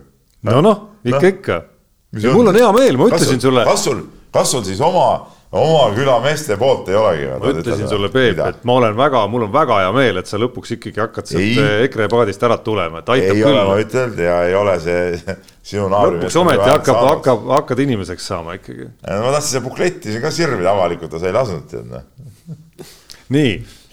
nii, lähme nüüd kiire vahemängu juurde ja eh, Daisy Kudres-Niider no. meie, meie kuulus äh, suusaorienteeruja tegi EM-il ikka praktiliselt puhta töö, kolm kulda ja kaks teatehõbedat. et ülikõva sõna, tähendab, lugesin siin ka intervjuud temaga ja, ja kui inimene on võtnud siis selle suusa orienteerumise, mis ei ole kindlasti maailma kõige suurem ala, tõsiselt käsile, sul on sihid seatud ja kõik ja sa, sa lõpetad EM-i nõnda. Et sa, sa, sa võidad individuaalkullad vist kõik, eks, vähemalt kolm tükki ja, ja siis, siis suudad veel paaris äh, teates ja siis naiskonnaga ka veel äh, medalile tulla, kusjuures teed sellega rõõmu ju ka oma partneritele. hirmus kõva sõna ju. no mina ütlen ka, et äh, on see ala, mis ta on, aga võit on alati võit ja ja, ja isegi kui see ei ole, ma ei tea, ülimassiline ala, siis eh, isegi kui oleks kolm osalejat näiteks, siis võit on ikka sama, sama, võit on sama raske saavutada, kui see oleks kolmsada, sest et tipp on ikka täpselt ühesugune no selle üle me oleme saates vaielnud ajaloo jooksul ka korduvalt, kas kolmesaja või kolmesaja tuhandese konkurentsiga ala tipp on nagu ühesugune või ei ole, aga kõva tipp. sõna on loomulikult palju õnne, palju õnne asjaosalistele. Te olete orienteerumisspetsid ma ei tea, kas suusa orienteerumisspetsid nüüd ka, no Jaan on vana orienteeruja. nüüd on mind pandud küll ala juurde, mees ma mitte ja. midagi ei tea. ei, ei, ma, ma olen suvist orienteerimist olen ikka teinud. tee see, tee see puust punaseks, puust ja punaseks ikkagi see suusa orienteerumise teema ka, et täpselt ma saan aru, et ei no ta ei ole täpselt sama selles mõttes, et sa ei saada suuskadega metsa, kohta, kus ei ole suusaradu ju. ei, ei, ei ole, ei ole.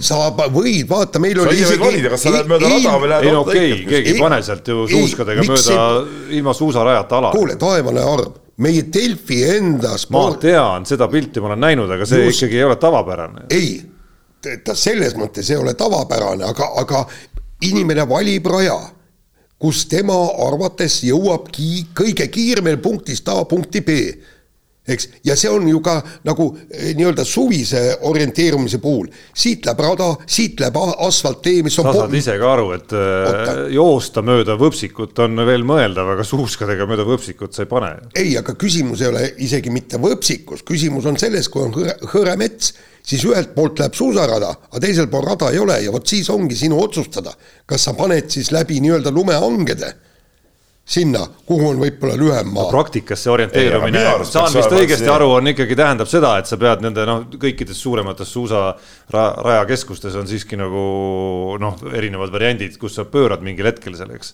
ja ilmselt suusa orienteerumisvõistlustel ma pakun, on tehtud neid valikuid nagu veel juurde, ehk et on rada tehtud no, just, natuke rohkem jah, ka sisse, eks ole, et seda pilti jah. nagu segasemaks muuta natukene. et nii, et ma arvan, et seal on see põhiline asi. mina arvan, et tead, peaks olema nii, lausmets need jahimehe laiad suusad ja vildid ja vot siis seal paned niimoodi. mingeid radasid võiks üldse olla. ja bambuskepid. jah, ja radasid võiks üldse olla, vot siis oleks õige värk.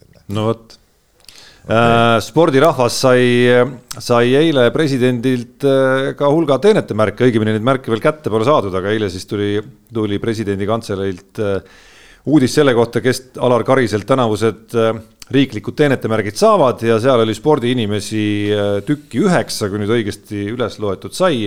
Äh, korvpallur Kristjan Kangur, jalgpallur Ragnar Klavan, sulgpallitreener Mart Siliksaar, Eesti Tenniseliidu peasekretär Allar Hint, kergejõustikukohtunik Peeter Randaru, ujumistreener Siiri, Siiri Põlluveer, iluvõimlemistreener Larissa Korbunova, orienteerumisspordi edendaja Toivo Kootov ja kergejõustikutreener Helmut Raamat no ütleme, ütleme niimoodi, sa loed seda nimekirja ja sa, sa ilmselgelt vaatad, et kõik nemad on tõesti väärt seda öö, teenetemärki. ja, ja, ja kusjuures tegelikult noh, selge see, et, et neid inimesi, kui, kui, kui see oleks teistsugune nimekiri, üheksa samaväärset, siis ka, et tähendab suur rõõm ja, ja tegelikult noh, eks ta ole eks ta ole nii ja naa, nagu öeldi, et nüüd on mõistlikul määral, me anname sada kuuskümmend viis teenete märki välja, mis, eks, aga, aga paraku juhtub see niimoodi, et väga paljud inimesed, kes on tegelikult väärt täpselt samamoodi seda teenete märki, seda paraku ei saa, sellepärast et neid antakse liiga vähe välja. ei no eks esitajad ju peavad ka mingi valiku tegema, et kes, mis organisatsioon, keda esitab üldse ja, ja nii edasi ja nii edasi. kas no, seal organisatsiooni sama... esitajad või president ise otsustab, keda paneb või? ei no seal neid, seal on ikka mingi korralik lobi, noh, ma ei tea, kas lobi just, aga noh, mingi esitusraundid, ma olen aru saanud, on seal ka ikkagi päris, ma Sest... arvan, et see kanguri nimi võiks ka tulla vabalt kuskilt korvpalliliidu kaudu näiteks, no et seal, et seal mingi valik nagu tekib, on ju, ja sa loomulikult võid hakata siin vaatama, et okei okay,, kangur on, aga noh, tegelikult Janar Taltsi karjäär ju oli selline nagu kopipaste põhimõtteliselt näiteks on ju. Ja teine asi oli, vaata eile AK-s oli, oli tõesti ääretult sümpaatne, kui, kui kaheksa, üle kaheksakümne aastane raamatukogu hoidja, kes, kes, kes nüüd peab kuskile antikvariaati, talle anti teenete märk. see, see oli tõesti niivõrd hästi südamlik ja, ja kõik see, eks, aga, aga temasuguseid inimesi on ääretult palju, noh aga noh, nii see käibki, et kantselei ju nii-öelda saadab sõnumitoojad laiali ja uurib siis kohalikest ja, kohtadest ja, ja alaliitudest ja. ja organisatsioonidest ja ettevõtetest. ja seda saab vist esitada ka, et, et ma arvan, et, et, et, et paljud on esitanud. ja ei, ja kiidame heaks kõik, kõik spordimehed ja naised, kes selle saavad, see on, see on puhas rõõm, kui meie valdkonda ka midagi tuleb ikkagi.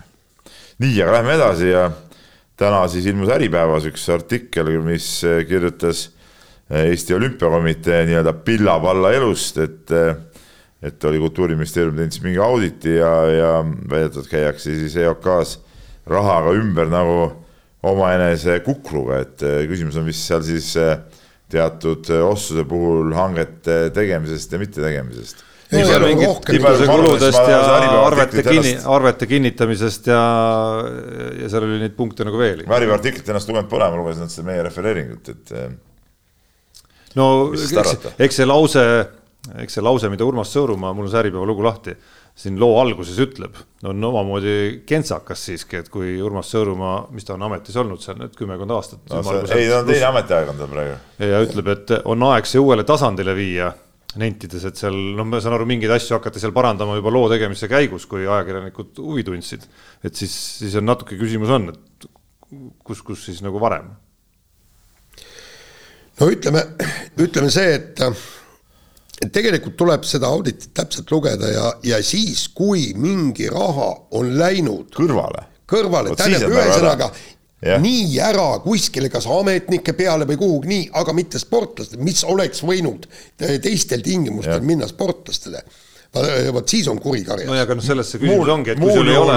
muul juhul tead ausalt öeldes mind see see bürokraatia ongi üks totrus ja mind nagu muul juhul see nagu ei eruta üldse. ei no vaata, küsimus ongi selles, et teatud nagu kohustuslikku bürokraatiat teatud nagu organisatsioonide puhul, kus summad on juba suuremad, kus riigi raha on ka palju, seda bürokraatiat ongi vaja selleks, et need äh, väärkasutused välja lõpuks tuleks, on ju see noh, need ei saa nagu teistmoodi ju nagu käia, et kui sul lappab kogu see arvepidamine, äh, ei tea, kust raha tuli, kuhu läheb, siis, siis sa ei saa ka näppu peale panna või on väga palju raskem näppu peale panna sellele, et kuskil on midagi äh, Äh, jäetud näiteks kokku hoidmata või on läinud kuskile rohkem, kui pidi minema. sellepärast asjad peavadki korras olema. kuritegu see, kui Urmas Sõõrumaa oleks seda raha võtnud ja ma ei tea, andnud, äh, pannud enda firmasse siia kuskile. no seda ta ilmselgelt ei ole teinud aga, aga, aga Peep. aga, aga, aga muu sihuke, noh, sihuke sihuke tähenärimine. ei, vaata, Peep, seal on jällegi, jällegi ma pööran asja jällegi äh, oma põhjanaabrite poole, kus no kelle ajakirjandust ma jälgin, see oli mingi neli-viis-kuus aastat tagasi võib-olla, tehti ka samasugune audit, aga nemad uurisid hoopis muud asja.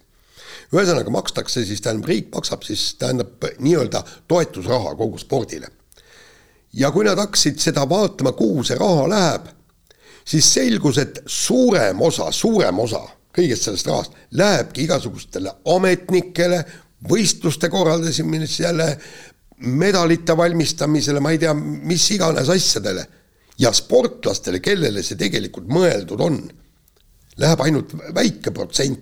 ja siis püstitatigi küsimus, et kas on õige, et kas me peame spordiametnikke ülal, ülal pidama või on see riigi raha peaks minema sportlastele. noh, see audit antud no. juhul ei, ei keskendunud sellele, vaid, vaid keskendus tõesti nagu asjaajamisele. see on nagu mitme, mitmetahuline küsimus, seesama see Soome küsimus, mis sa praegu välja tõid, et et seegi see, et, et noh, sportlane on number üks, no siin ei ole nagu midagi rääkidagi, aga eh, kui ei ole seda nii-öelda ametnikku, siis, siis väga ei ole ka see sportlasel sul midagi, suurt midagi peale. sul on vaja absoluutselt, et see on sama näide nagu, et mingi piirini, see on täpselt sama näide nagu võtad heategevusorganisatsioonid, et noh, selleks, et ta oleks edukas. selleks peab seal ikkagi olema, olema tegevjuht, ka mida Toivo Tänavsuu või, või mõne muu organisatsiooni puhul keegi teine on ju, et kes teebki palehigis tööd selle nimel, et, et, et need enda töötasust oluliselt suuremad summad abivajajateni üldse tekiksid. just, aga, aga, aga seal oligi küsimus, et, et kas, kas meil on vaja nii laia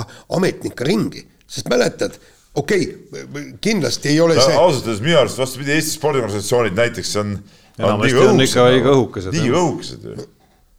sa tead ise väga hästi ju, võta seesama laskesuusatamise föderatsioon, kes nüüd nagu enda struktuuri natukegi ehitab, vanasti koosnes sisuliselt ühest-kahest inimesest. kes istusid kännu otsas. kännu otsas nii-öelda istusid jah, piltlikult see, see väljend oli kogu aeg olemas. no siin on teisigi alaliite, võta see käsipalliliit, kus see Pirje minu arust üksinda on mingi miljon aastat toimetanud, et noh, et neid siukseid alaliite on ja tegelikult noh, vastupidi no,. sama, sama ma segan on ka klubide, klubide poole peal, eks ole, et justkui ideaalis tahaks. teevad, teevad mitut, mitut tööd korraga. ideaalis ole, tahaks muidugi teha nagu välismaal näed, et kuidas turundust tehakse, sotsiaalmeediat tehakse, käia rohkem rahastajatega läbi, kõik, kõik, kõik asjad on ju, aga praktikas. aga, aga noh, eks seda tuleb vaadata, kui tulemuslik, kui kasulik see on, et sest EOK on ju ka kõvasti paisunud.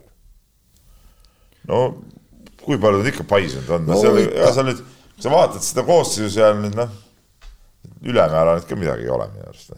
ei, mulle ka otseselt ei tundu, aga no ma ütlen, see audit antud juhul seda, seda, seda teemat ei puudutanud üldse. just. nii nii, äh, võtame kiirelt järgmise teema ja meie kuulus äh, võrkpallur Robert Täht vigastas Brasiilias põlve, naaseb kodumaale, sinna arstide manu ta ei julgenud äh, jääda pidas paremaks koju tulla, et ja ütles, et nüüd kõigepealt äh, on põlv vaja korda saada ja siis vaatame üldse edasi Eesti koondis ja kõik muud niisugused asjad, et no see on loogiline, ega haige põlvega ta ju Eesti koondisse ei tule, noh, ei saagi tulla. no need ajamäärused, millest, millest Robert Täht rääkis, ei olnud ka võrkpallikoondise vaates just nagu väga rõõmu tegevad, et, et niigi ei ole, ei ole koondisel ajad võib-olla kõige paremad praegu ja ja, ja sellel on selles, et Robert Täht ei ole saanud ka koondist nüüd oma tervise tõttu aidata päris sajaprotsendiliselt mõnda aega, noh, on päris suur roll selles mängida ikkagi. et öö, oi kurja. oi kurja jah, täpselt, et ja seda selles suhtes ka oi kurja, et, et noh, tegelikult mees ju huvitavas kohas äh, äh, hakkas mängima see hooaeg ja, ja nüüd ikka kogu see teekond jäi nagu pooleli nagu, et noh, et sellest on kahju Nad jääks no, koondisele veel. Paraku kahjuks vigastused käivad mööda sportlasi. nii, aga nüüd äh, õnnitleme kõiki meie kuulajaid-vaatajaid, kes on, äh, kes on selle esimese saatetunni ikkagi kenasti vastu pidanud ja, ja siia ühe tunni koha peal, ühe tunni koha peal kenasti liinil meil, olgu siis äh, olgu siis meie otseülekandes. mingi uus värk, et kes tunni nagu ära kuulab, siis saab mingi preemia. oota, ma jõuan oma mõttega lõpuni ikkagi, et ära sega vahele. ei mõtle, mind ei ole nagu kurssi viitud. jah, et olgu, olgu siis tegemist otsevaatajatega või, või olgu siis tegemist äh, kuulajatega, kas läbi, läbi Delfi tasku või Spotify või, või Delfi artikli Äh, või mis iganes muu. kostavad ovatsioonid. või mis iganes muu äh, podcast'i platvormi kaudu oleme jõudnud ikkagi teemani, mida ma usun, enamik meie kuulajaid-vaatajaid on oodanud kõige rohkem. Äh, Peep, mida sa ütlesid Aare Hallikule, et sind eemaldati mängus Viimsi vastu? ei midagi roppu ega me, me ei küsinud, me ei küsinud, kas sa ütlesid roppu või mitte. kogu, ma paluks tegelikult kogu seda vestlust äh, nii-öelda ikkagi no, nagu no, sellist stenogrammi, ütleme nii. stenogramm on umbes selline, eks ole, et tulid kohtunikud tagasi, ütlesid, et ebasportlikku viga ei olnud ja selle asemel, et anda meile vabavisked, tõid palli külje out'i, siis ma küsisin, mis külje out'i, miks külje out on, eks ole. nii siis selle peale kargas ka abitreener Üllar Kerde püsti, siis ma mõtlesin, et vana mees, ta täpselt juhatas ta pingi peale tagasi ja läksin ise ikkagi seda õigust nõudma ja siis Aare Alliku vastus oli see, et, et Ivan Mihhejev, siis minu mängija, sel hetkel, tal viga tehti, et ta ei vallanud palli ja siis ütleme, ma sõna otseses mõttes nagu röögatasin, et, et mis see vallanud palli ja selle peale Aare Alliku niimoodi ehmatas ära, et rusikat läks püsti ja oligi see nagu eemaldamise märk, et näe, nii oligi. kõlab nagu olin puu otsas, kui pauk käis. ei, miks täpselt nii oligi. täpselt üks-ühele oli see eh, ütleme, see praegu nagu ütleme, Riigikogu stenogrammist nagu välja. oli jah ja.? aga, aga kui nüüd. siis tehti liiga sulle. mina arvan, mina, mina arvan, et absoluutselt no,. tähendab selles mõttes, et. Eh, mulle, mis mu. ei, ma tegelikult täpsustan, küsimus oli ju otse eemaldamises, mitte, eh, mitte selles, et sa tehniliselt. ja ilma tehnilist kallaks saad. see, mis see eemaldamine, see mind nagu üldse ei huvita, see on nagu tühi asi, lihtsalt liiga tehti sellega et äh, okei okay,, me olime kaotanud selle mängu juba, aga see on põhimõtteline küsimus ka, et, et, äh, et äh, selline mingisugune absurdne otsus, kusjuures video põhjal on ju näha, et see oli, otsus oli vale. No.. ma analüüsisin eile veel ühe äh, mitte küll praeguse vilemehe, ma ei tea küll, võib-olla kuskil madalamas liigas, aga, aga endise vilemehega küll kes pigem ütles, ütles ka, et, et tema arust tehti selle konkreetse vabavisete otsusega nagu liiga ikkagi, et see palli valdamine oli nagu tema hinnangul oli seal küll nagu olemas ikkagi. no no pall oli ju Mihhejevi käe all ju, põrgatas. ja ta jõudis põrgatuse teha isegi, no muidugi annab küll. ei no ta isegi, kui ta, läks, põrgatas palli ja ta oli käe all, no ta kontrollis palli, no ja, ja, ja põhimõtteliselt teoorias on siis sedasi, et, et kui seda ei anta, siis oleks nagu Viimsi Äh, Viimsi oleks palli äh, kontrolli oleks Viimsi käes, mida ta ju, ju kuskilt ei olnud. ei, see, ta, ei, ta seletas mulle aga..., et nendes olukordades ongi jah, et see on eri, et see erineb lauavõitluse või viskejärgsest olukorrast, et jah, seal see palli valdamise üleminek tõesti on nagu faktor. jah, aga no ma ei saa siin väga kommenteerida ka. miks ei saa, mis sina, Peep? ma ei tea, noh. Miks sina ei saa kommenteerida? sõnavabadus. ei, kuule, oota, teeme kliki ja nüüd sa. mis ajast, mis ajast sina, mis ajast sind keegi piirata saab? nüüd Jaan lülitas mind ajakirjanduslainele ümber, nüüd muidugi saan no.. ajakirjanikul on alati õigus kommenteerida. ei muidugi, see täielik jama, noh. miks nad kiusavad sind? kas sa oled Kes... äkki, kas sa oled äkki mõne varasema ütlusega või, või oma suu pruukimisega äkki kuidagi nagu sihikule jäänud? ei, ma ei tea, ma arvan, et, et nad ongi nii, no ei, see on, on öeldud ka üht koma teist muidugi, aga see ei puutu asjasse, aga. no ei aga..., ma ütlen ka vahele, et see, seda ei tohiks hea kohtunik ju nagu arvestada. ja, ja, aga no, no natuke lappas see asi seal jah, igatepidi, noh, seal mänguks oli veel, ma saatsin sulle veel, mis oli murdehetk tegelikult. Minu arust selles mängus murdehetk, noh, kus läks ka nagu natuke natuke läks nagu pahasti. no ma ei tea, kas seal nüüd ühte murdehetke oli, see oli terve periood, kus ikka see asi murdus teil ära. ei, vastupidi, me saime just mängu tagasi, oli kolmanda veerandaja eh, keskpaik, me olime just saanud, ma ei tea, minu arust kuus punni järjest ja, ja, ja vastased eh, viskasid jälle mööda, me saime palli, vahe oli, oli juba alla kümne, oli kaheksa peal, veel meie rünnak, sealt oleks võinud minna kuue-viie peale, oleks hoopis teine mäng olnud, aga noh, sealt ühest hetkest tuli sihuke halb, eh, halb, halb otsus ja, ja ja lihtsalt kaks punkti vastastele ja, ja nii sinna see läks. Moment, no, see oli momentum, nagu tänapäeval öeldakse. momentum jah, jah. eks no tegelikult minu arust me siin aastavahetuse kandis rääkisime just, et, et Peep on kuidagi nagu noh, nagu pettumus olnud selles mõttes, et alles, see oli alles esimene eemaldamine. noh, oli ju esimene. üks ongi umbes hooaja peal normaalne, ma arvan. no ma ei tea, ootused sinu osas olid nagu ikka Miks nagu suuremad. palju tehnilisem on sa, kas sa juhid tabelit või ei juhi või? peaks meie kossumeestele tegema palve sisse andma. euroliigas, euroliigas kogu aeg. see on huvitav, vaata kõik arvavad, et teadmist kõige hullem, aga ei olegi. Max Viitis on hoopis jah, et, et peaks selle tabeli laskma ikkagi nagu kõik, kokku panna. kõik, kõik toredad treenerid olid tehniliste eesotsas, absoluutselt kõik siuksed ägedamad kujud, kes seal, kes seal nagu toimetavad, tead. Noh. kuigi seal väga siukseid halle kujusid on vähe muidugi ausalt öeldes. selliseid selliseid äh, nagu ütleme, väga viisakaid, äh, väga siukseid äh, kuidagi nagu vaikseid tüüpe. Odeed Kataš võib-olla. no Kataš võib-olla jah, kes see Valencia treener on? praegu meelde isegi.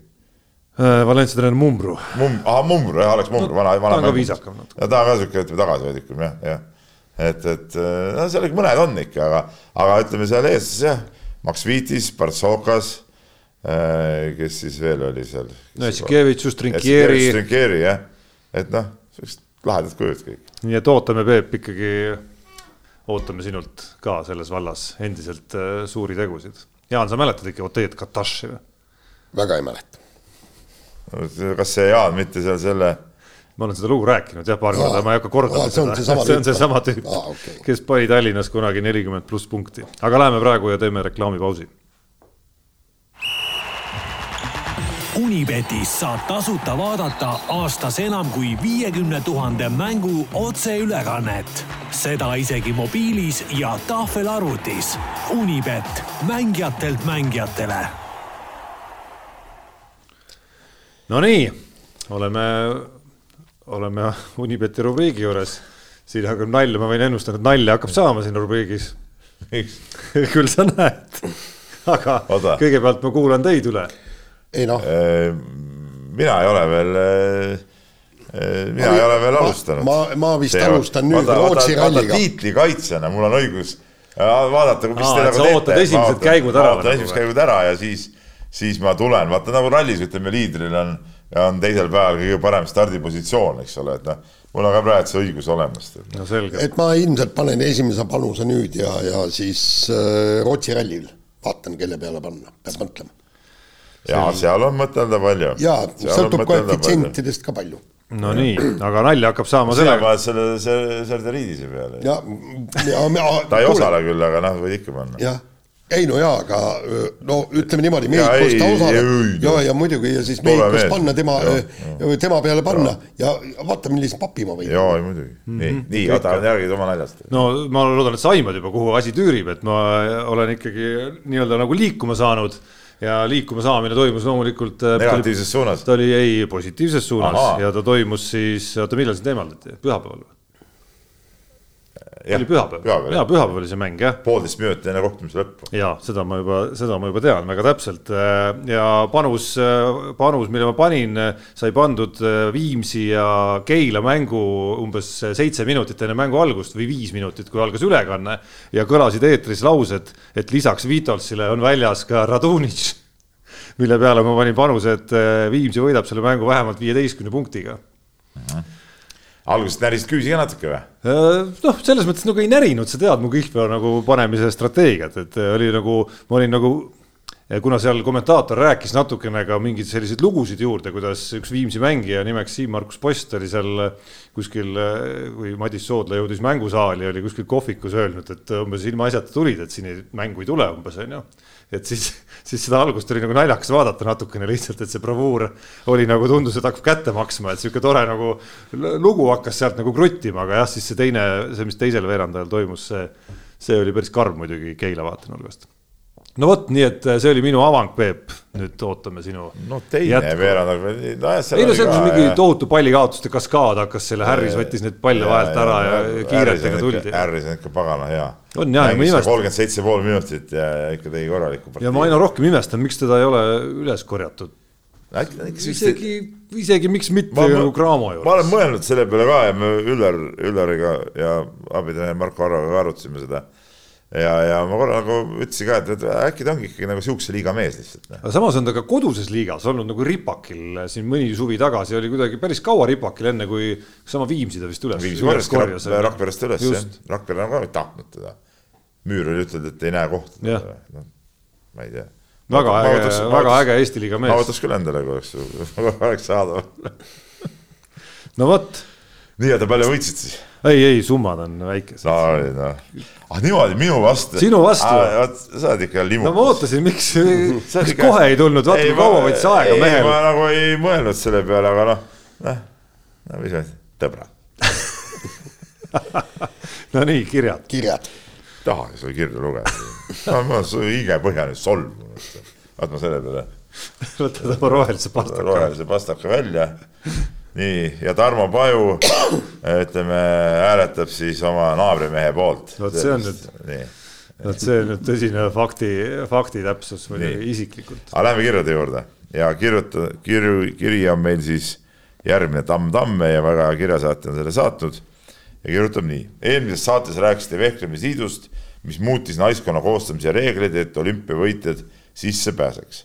Teine tähtis spordiala on sõudmine, eelmisel aastal õnnestus neljapallil saavutada MM-il viies koht, kõik tundus suurepärane ja jäi mulje, et sama paadiga proovitakse jätkata. detsembris oli aga uudis, vanameistrid Raja ja Hendrikson jätkavad olümpia nimel tipptasemel sõudmist. sõudi Allar Raja hinnangul õnnestus neljapaadi hooaeg nii hästi, et paneks sellele koondhindeks viis pluss ja nagu klassikud ütlevad, siit on hea edasi minna. nii, jaanuaris ilmusid järgmised lood ja siis oli Raja Hendriksoni asi juba lahtisem ja Delfi kirjutas nii, et võrreldes varasemaga äh, treeningutesse veidike loo-, loomingulisemalt suhtuvad Hendrikson ja Raja on asjaolude kokkulangemise korral valmis neljapaati taas abistama. samal ajal tuleb valmis olla ka teistsugusteks stsenaariumiteks, mis tähendaksid hoopis uue esinduspaadi tekkimist. nii. ja siis küsimus. Kui detsembris kirjutati, et vanameistrid Raja Hendrikson jätkavad olümpia nimel tipptasemel sõudmist, siis jaanuaris noh, on jutt risti vastupidane. kes siis lähevad suve lõpuks toimuvale hooaja tähtsamale võistlusele? no ma ise arvan, et MM-ile lähevad, kui kedagi veel, veel noortest peale ei tule veel, siis lähevad ikkagi praegune see neljapaat ja proovivad sõita välja olümpiakoha. Ehk siis öö, asja mõte on see, et, et Hendrikson ja Raja treenivad palju, suudavad, nad on ikka vanad mehed. ja lootuses, et tulevad noored mehed peale ja moodustavad siis ise selle neljase, nagu, nagu ma olen öö, aru saanud. see on see asja idee et pigem nad nagu vinti juurde ei hakka keerama. Nad ei saa, nad ei saa keerata, see on vana inimene juba. no mis asja? ei no sportlasena.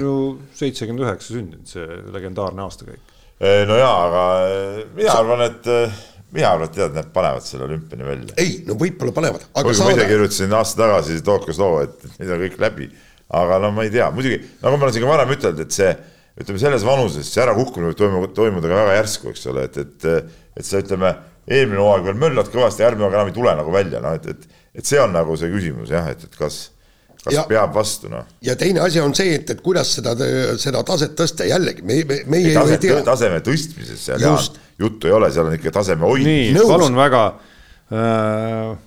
Maurilia de Zolt, mis ta siis on, neljakümne neljas, ei, nelikümmend kolm, vabandust, oli siiski, oli siiski Lillehammeri olümpia ajal.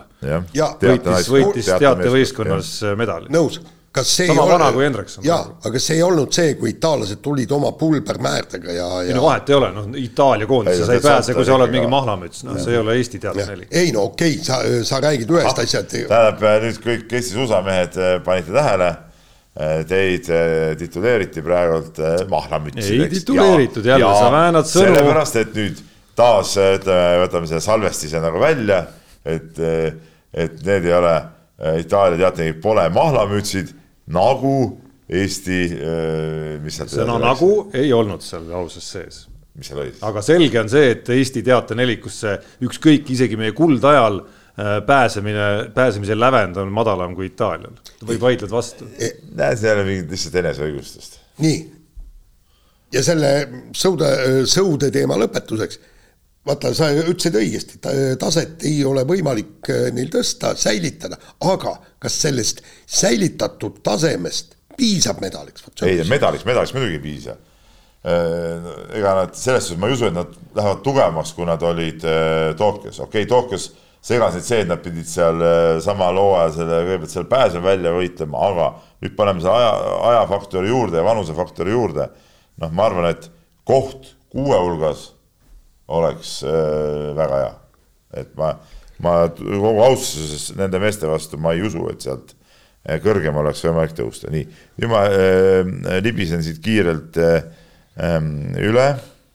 niikaua kui sa libised seal, ma lihtsalt äh, vahemärkusena ütlen veel meie Unibeti rubriigi jätkuks, et eripanus puudutab, mehe tunnuta eripanus puudutab reedest äh, suurt korvpalli Kaunases Žalgiris Victoria Baskonia, väidetavalt üle tuhande eestlase peaks minema sinna kohale. Lausa, täpset numbrit küll, küll, küll ei tea, aga eripanus siis Peebu suureks meeleäärmiks on, äh, on äh, Baskonia võit selles mängus, kaks koma kakskümmend viis.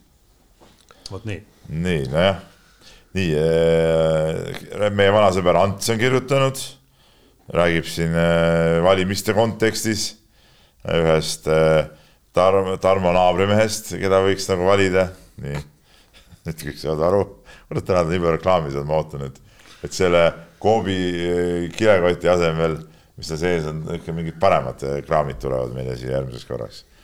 nii, siis äh, äh, oli, oli väike kiri äh, sellest Ott Tänaku rallisõidust, et väga vahva ralli oli ja palju inimesi ja, ja kõik on, kõik on vägev, aga nüüd ma lähen teadlase Priiduku juurde, kes räägib ka sellest Venemaa ja Valgevene sportlaste osalemise, ütleme selle osa me põhimõtteliselt rääkisime ära, aga Priidikul on päris huvitav küsimus tegelikult. et kas te usute, et tänapäeva Eestis on olemas mõni sportlane, kellel on kasvõi õhkõrn võimalus tulla olümpiamängudel esikuuikusse ja kes seda võimalust reaalselt ei kasu, ka reaalselt äh, kasutaks. Äh, et, et kui sportlased saaksid isiklikult noh, boikoteerida, eks ole. saavad, sul on alati ja, ja. õigus mitte minna. et, et, et mida siis Eesti sportlased nagu teeksid siis? No ma isiklikult personaalselt arvan, et, et keegi ei boikoteeriks. Neid olümpiamänge, kui kõik lähevad kohale, kõik riigid lähevad kohale, Põhjamaad lähevad kohale, Soome, Rootsi, Läti, Leedu, Eesti koondis, kõik nii ja sa oled üksi, üksik äh, hunt, seisad seal võib-olla, ma ei tea, Riigikogu ees ja lehvitad lippu, ütled, et, äh, et no sellele küsimusele pädevalt vastamine eeldaks natuke tihedamat suhtlemist erinevate sportlastega, et teada natuke paremini nende, nende mõtteid sellel teemal, et üks, kellel, kelle puhul ma paberil vähemalt olen mõelnud, et huvitav huvitav, kas ta arvab samamoodi ja tunneb samamoodi, nagu väljendas Allar Raja ennast, on tema enda paadikaaslane Kaspar Taimsoo, kes teatavasti on ju. ei, ta ei ole paadikaaslane. ei ole paadis, ta ei olnud viimane kord paadis. no okei okay,, no ütleme siis nagu. sellest ongi juba irdunud. endine pandi, paadikaaslane, erinevused. et, äh, et kes, kes on, kas vist ka praegu veel tegev kaitseväelane või, või mingil kujul ikkagi on olnud väga tihedalt seotud. ei ole enam kaitseväes või? No Raja on ise sisevägedes. Raja kuskil no, jah, politsei struktuurides. Pollar ju, jah ma viimasel hetkel, viimasel hetkel see sõna vastu kinni, see on ma kujutan ette, mida sa, millest sa, sa ei pidanud isegi täpsustama, millest sa said sõnasabast kinni.